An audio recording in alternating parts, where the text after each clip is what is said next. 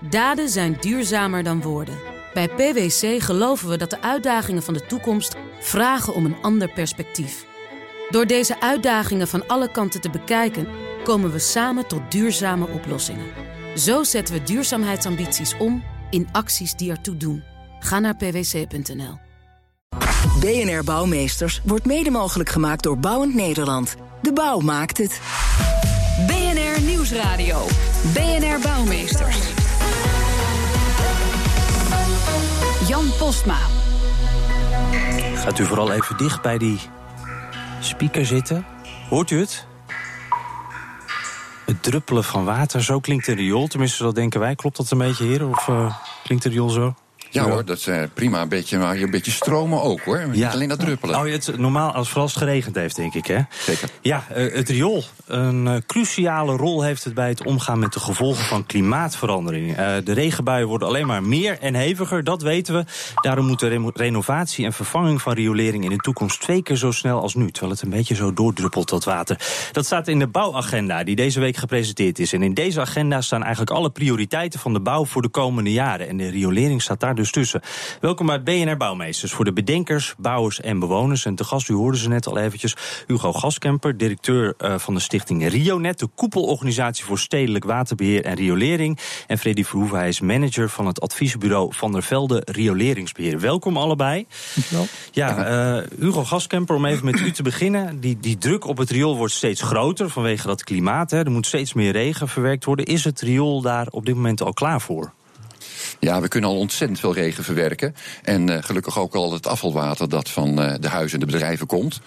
Uh, en tegelijkertijd, het riool zal nooit zo groot worden dat het al die hevige buien kan opvangen. Dan moeten we echt de straat op. Ehm, ja, want nou, wat bedoelt u dan? Dan moeten we de straten veranderen? Of... Dan kunnen we de straten gaan veranderen. Dan kunnen we straten, uh, bakjes van straten maken. En maar dan heb ik het uh, vooral als het heel hard regent. Die hevige buien. Mm -hmm. De normale regen die wordt al uh, gewoon verwerkt. En dat blijft ook het geval. De, de nog hevige regen, nou dan zie je even plassen op straat. Maar die, die plensbuien. ja, die, echt de extreme moet... pieken, zeg maar. Ja, Kijk, uh, Freddy Verhoeven, uh, is de riolering in Nederland eigenlijk overal even goed? Of, of zijn er duidelijke wat zwakkere plekken? Nou, dat is nogal regiogebonden. Uh, er zijn plaatsen in Nederland waar met name verzakkingen optreden. In het Rotterdamse met setting van ondergrond te maken. Mm -hmm. En daar uh, ja, zijn zakkingen tot van 10 tot 15 centimeter per jaar uh, niks uh, uitzonderlijks. Dus dat betekent dat het riool mee gaat zakken. En ja, daar ook ten gevolge van scheuren en andere schades gaan ontstaan. Uh, dat is wel een zorg voor met name die gebieden. Ja, want u noemt uh, Rotterdam al even, maar ik kan me voorstellen, Amsterdam is ook op uh, zachte grond, wordt altijd ja. gezegd, hè? gebouwd op palen. Ja. Is, is dat in Amsterdam al ook een probleem? Of? Ja, goed, het is. De, kijk, ieder gebied in Nederland heeft zijn eigen problematiek. En ja, je hebt gebieden waar veel veengrond zit. Uh, je hebt gebieden waar uh, goede, stevige zandgronden zijn, waar het riool stabiel uh, ligt en ook ja, langer mee kan gaan. Dus dat is gewoon een regionaal ja, anders. Mm -hmm. ja. en, en, wat moet er dan eigenlijk gebeuren? moeten, die, moeten al die buizen dan vervangen worden? Moet, moet daar dan ook bijvoorbeeld meer, meer zand onder gelegd worden? Hoe, hoe pak je dat dan aan om dat te verbeteren? Ja, ook dat is weer lokaal anders. Maar ja. er zijn een aantal methodes. Je kunt uit het, uiteraard traditioneel buizen opgraven en vervangen. Er zijn ook technieken waarbij je van binnenuit uit uh, riolen doet renoveren, uh, CQ repareren. Mm -hmm. uh, waarbij je dus een, een ja, nieuwe binnenband of een sok, zoals ja, het in de markt wordt genoemd. Ja, daar gaan we het zo nog aanbrengt. even wat uitgebreider ja. over dus, hebben, ook inderdaad. Hugo Gaskemper, hoeveel riool moeten de komende tijd eigenlijk vervangen worden?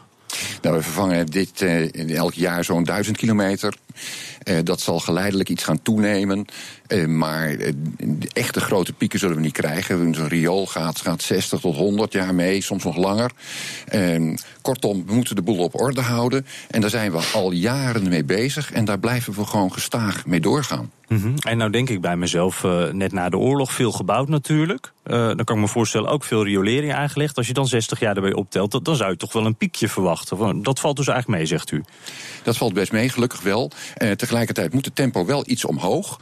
Uh, maar we moeten uh, dat allemaal samen laten lopen uh, met de vernieuwing van de straat, met de wegen en het groen. en daarnaast is er dus die andere techniek waarin je die sok, die binnenband aanlegt. En dat is -hmm. ook een mooie manier om het riool te vernieuwen en tientallen jaren weer te laten meegaan. Ja, dus ook nieuwe methodes gebruiken. meneer Verhoeven, merkt u ook dat u het al wat drukker heeft de laatste tijd? Of valt het allemaal nog wel een beetje mee? Nou, de techniek die ik net noemde, die is al, al, al 30 jaar in Nederland op de markt. Dus het is niks nieuws. We merken nog steeds dat er gemeentes en, en partijen zijn die de techniek nog steeds niet kennen. Je zou zeggen, nou, die kent inmiddels iedereen wel. Ja. Uh, maar het blijft nog steeds uh, uh, ja, kenbaar maken en, en, kennis delen om ook die alternatieve oplossing te bieden. Dus ja, ik kan niet zeggen dat het nu heel erg veel drukker is als, als, als voorheen. Ja, meneer Gaskemper? Ja, een manier waarom je het ook niet zou willen toepassen is als je de capaciteit van de riolering wil vergroten en uh, het gemengde riool, waar het afvalwater en het regenwater samen in wordt afgevoerd, gaat, uh, uit elkaar gaat halen in aparte buizen. één voor het vuile water, dat gaat naar de zuivering, en één voor het regenwater. En dat loopt dan uh, naar de sloot en de vijver. Mm -hmm. Ik kan me wel voorstellen dat daar steeds meer interesse in is. We zijn steeds bewuster, toch, met ons afvalwater. Dat, dat, zie je dat dat steeds meer gebeurt. Dat dat, dat gemengde riool vervangen wordt door een gescheiden riool. Helaas is het in veel gevallen wel een stuk duurder.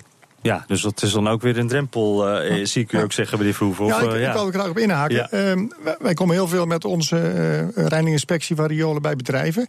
En nou, dan, dan brengen wij het riool in kaart. En we zien dan dat de riolen op zich vaak goed zijn. En, of goed, in ieder geval wat capaciteit voldoet. Alleen dan blijkt dat het riool van de gemeente niet toereikend is, waardoor het daar op gaat stropen als het ware. en dan moeten we gaan zoeken, wat Hugo ook in het verleden wel eens vaker gezegd heeft. Dan moet je het lokaal gaan proberen op te lossen door bijvoorbeeld een buffer te creëren op je eigen terrein. Of inderdaad afkoppelen, waardoor je het mhm. hemelwater op openbaar of op sloten uh, laat afvoeren. Uh, dus op die oplossingen moet je gaan, gaan denken. Ja, ook wat creatiever dus. Nou, een ja. riool dat zeker gerenoveerd moet worden is het stokoude Moerriool in Arnhem. Dat is 150 jaar oud en ligt dwars door het centrum. Dat is dus nog een hele operatie, zegt ook Erik Laurensen. Hij is senior beheerder riolering en water.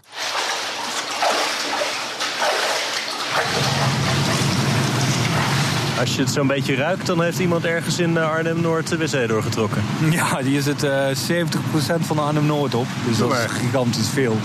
En wat je nu hoort, dat is ongeveer 500 kub per uur. Als het flink gaat regenen, dan hebben we het over 20.000 kub per uur. En dat zijn acht Olympische zwembaden vol. Misschien kun je dat een beetje voorstellen. Door een hele oude buis, dwars ja. onder het centrum hierdoor. Ja, ja, en die buis is ongeveer uh, 1100, 1100 meter lang. Is eind 1800 gebouwd. En dat is onze aorta, noem ik hem altijd. Dus de belangrijkste streng, rioolstreng van Arnhem-Noord. En hij is ook behoorlijk groot. 2,30 breed en 2 meter hoog. Dus je kunt er echt doorheen wandelen. Ja, je kan er doorheen wandelen, maar je kan hem niet zomaar openleggen daar om hem te renoveren. Nee, nee hij is in behoorlijk slechte staat. Dus we moeten hem gaan opknappen. Maar hij ligt eigenlijk om de, de ring van Arnhem. Dus de belangrijkste weg van de, rondom het centrum. En er liggen nog twee atoomschouwkelders bovenop. en, uh, de Willemstunnel ligt er bovenop. En de oprit van de Nelson Mandela ligt er bovenop.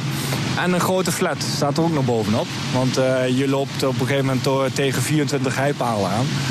Maar het zijn allemaal plekken, daar kun je echt niet meer bij komen. Heel schudden, hè? Ja. Ja, het riool en de grond daaromheen worden daarom van binnenuit verstevigd. En daarbij worden ook een paar bijzondere duurzame technieken gebruikt. Waarvan er volgens mij net al eentje een beetje zo half genoemd is. Maar welke technieken dat precies zijn, daar hoort u zo uh, meer over. Uh, meneer Verhoeven, uh, uw bedrijf van de Velde Rioleringsbeheer die, die is ook betrokken bij dit project. En dit klinkt als een behoorlijke opgave. En zo'n oud riool, en er moet een heleboel gebeuren. En dan ook nog midden in de stad. Ja. Nou, we zijn er uh, ten dele bij betrokken. Uh, we hebben uh, het, is het riool geïnspecteerd, gereinigd. ze zijn nu in een fase dat ze herstelmaatregelen gaan uitvoeren. we noemden net de renovatie. Alleen dit riool heeft een dusdanige vorm dat een traditionele ronde kous of sok niet toepasbaar is. Ah. Dus daar vinden andere manieren plaats om, om het riool daar weer te herstellen.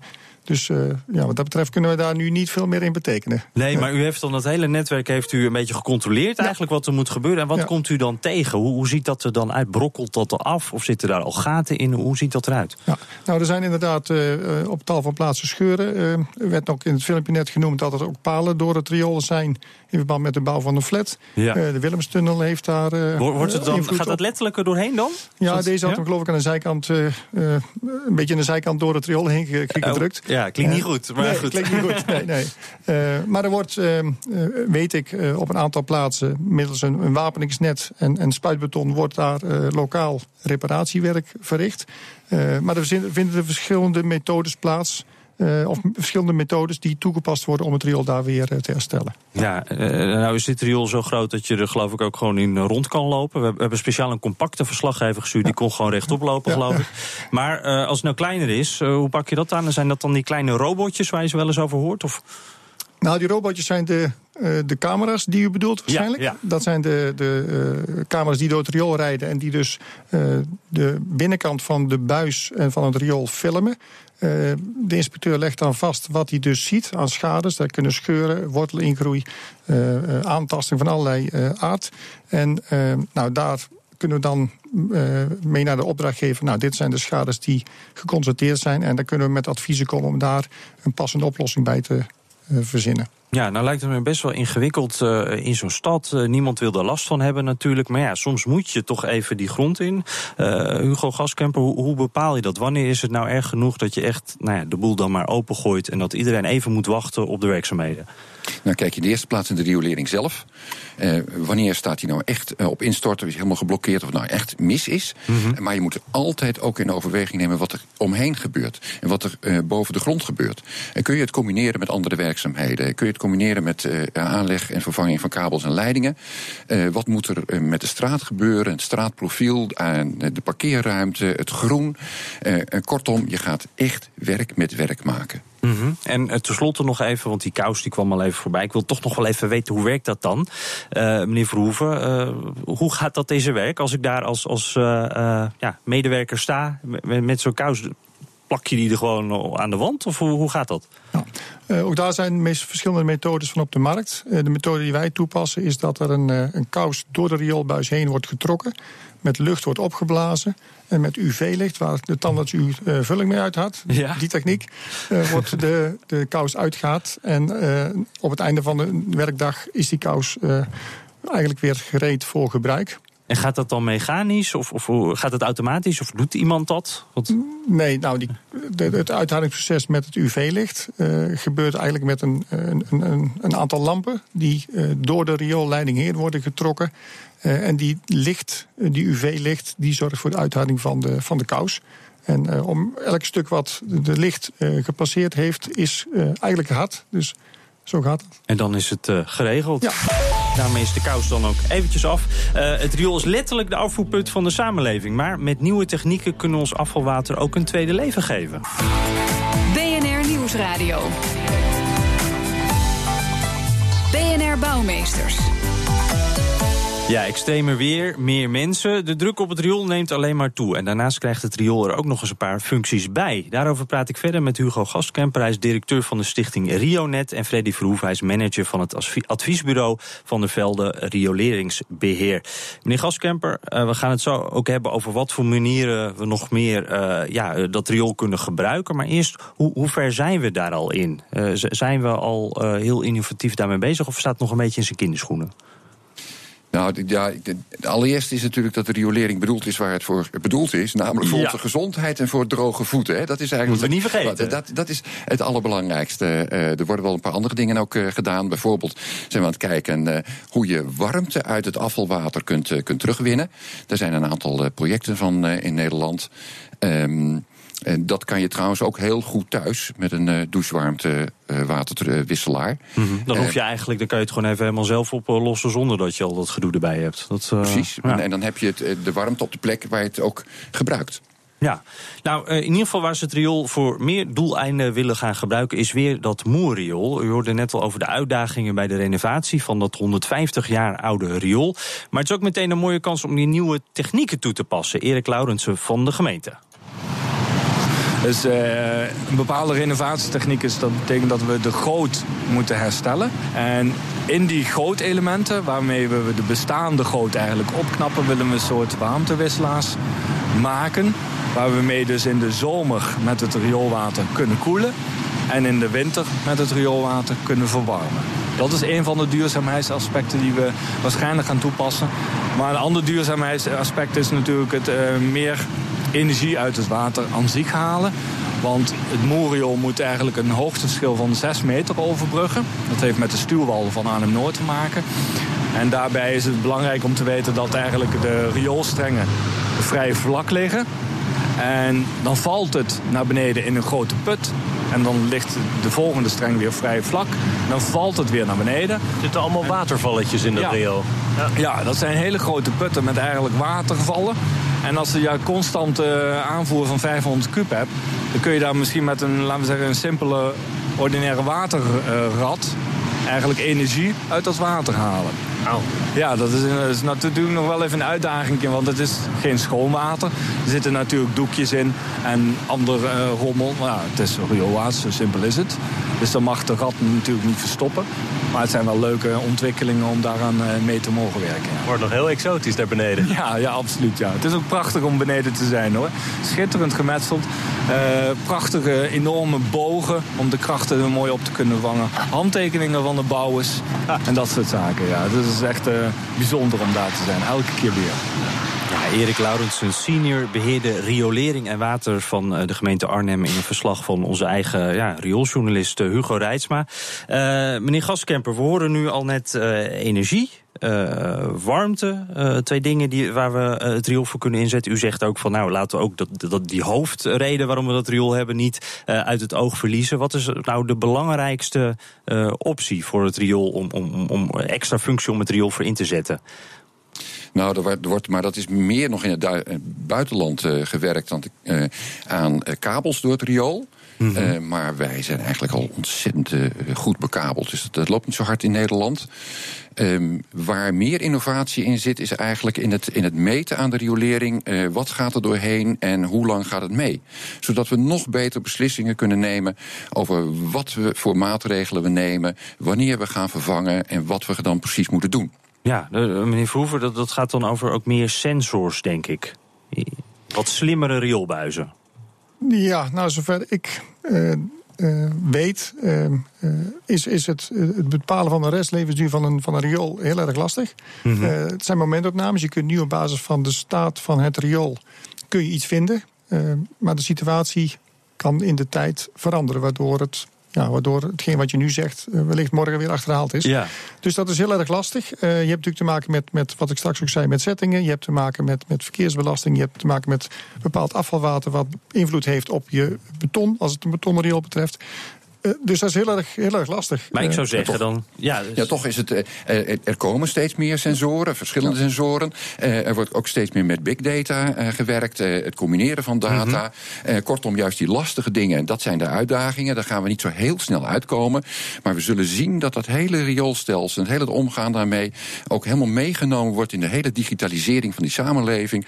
En um, dan weer nieuwe mogelijkheden zijn om, om beter voor het riool te zorgen. Dus uiteindelijk dan wel wel slimme rioolbuizen. Daar ja. moeten we een beetje naartoe. Ja. ja. we hadden net al over dat klimaat. Hè, dat verandert. Die, die regenbuien die steeds heftiger uh, worden. Uh, nou, wordt er hard gewerkt aan dat riool, uh, hebben we al gehoord. Maar moet ik me nou ook een beetje zorgen maken? Kunnen we daar wel tegen opbouwen eigenlijk, tegen die klimaatverandering? Ja, we weten wat we moeten doen. Uh, dat is uh, meer afvoeren uh, waar mogelijk, meer bergen waar nodig. En onze eigendommen die kwetsbaar zijn, zoveel mogelijk omhoog. Zodat -hmm. het, als het water er toch komt, dat het niet, geen schade veroorzaakt. Mm -hmm. Maar gaat het snel genoeg of moeten we er misschien nog even een tandje bij doen? Uh, nou ja, we zien uh, dat er her en der schade optreedt. Uh, dan was het dus te laat.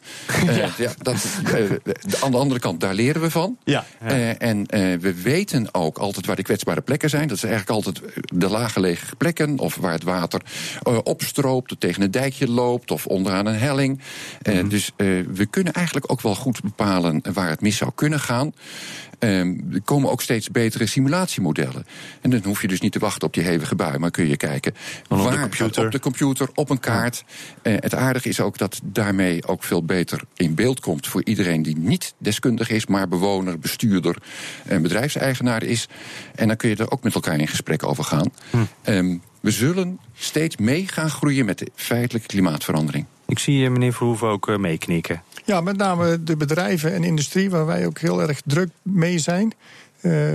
die geven ook aan dat, dat en die laten ook zien dat hun kennis en kunde op hun bedrijf, locatie, wat betreft riolering, heel erg achterloopt. Ze weten niet wat ze hebben, ze weten niet hoe het erbij staat. En het ja, heel simpel in kaart brengen van dat stelsel uh, geeft hun rust. En zeker uh, ten aanzien van het klimaat. Mm -hmm. Van ja, komt er een bij, uh, wat moet ik doen, wat staat me te wachten? En dat zien we ook steeds meer terugkomen. Dat mensen toch, of bedrijven gaan investeren om het riool goed in kaart te brengen. Om daarmee ja, rustig s'avonds naar bed te kunnen gaan zonder dat ja. ze zorgen hebben. En hoe komt dat nou dat daar verandering in, in, is gekomen? Nou, ik denk dat de media daar natuurlijk een rol in speelt doordat het meer in het nieuws komt. Ja. Ik, we zien ook vanuit verguningverleners dat, dat er eisen worden gesteld ten aanzien van ja, het, het, het, laten zien dat je het goed in beeld hebt. Uh, dus er zijn wel de factoren die, die bedrijven toe bewegen om, om er iets aan te gaan doen. Ja, dan wordt het toch urgent. meneer Gaskemper, u zei eerder ook al van we moeten misschien wel eens ook buiten dat riool gewoon naar uh, de Staten kijken. Daar moet misschien ook wel wat veranderen. Wat, waar kunnen we daar nou de grootste stap in zetten bij dat klimaat, uh, die klimaatverandering? Um, hogere stoepranden en diepere straten. Uh, want daar kun je het water eventjes opslaan zonder dat het schade veroorzaakt. Het is even hinderlijk, vervelend. Mm -hmm. Maar goed, als het dus een keer per jaar een uurtje of wat uh, voorkomt, dan is dat uh, onoverkomelijk. En dan is dat te doen. Um, en ook in je eigen tuin kan, werkt dat zo. En als je een wat verlaging in je tuin hebt en je hebt last, dan, dan kun je daar het water laten lopen. Dan ga je tuin alsjeblieft niet helemaal dicht tegelen. Dan maak je het probleem juist groter. Um, uh, kortom, uh, zowel bij de gemeente als bij uh, de huiseigenaren is er nog wel een flinke opgave te doen. Mm -hmm. Maar we weten wat we kunnen doen en moeten doen. Uh, Freddy Verhoeven, u noemde net al de bedrijven. zijn die zich hier ook al bewust van?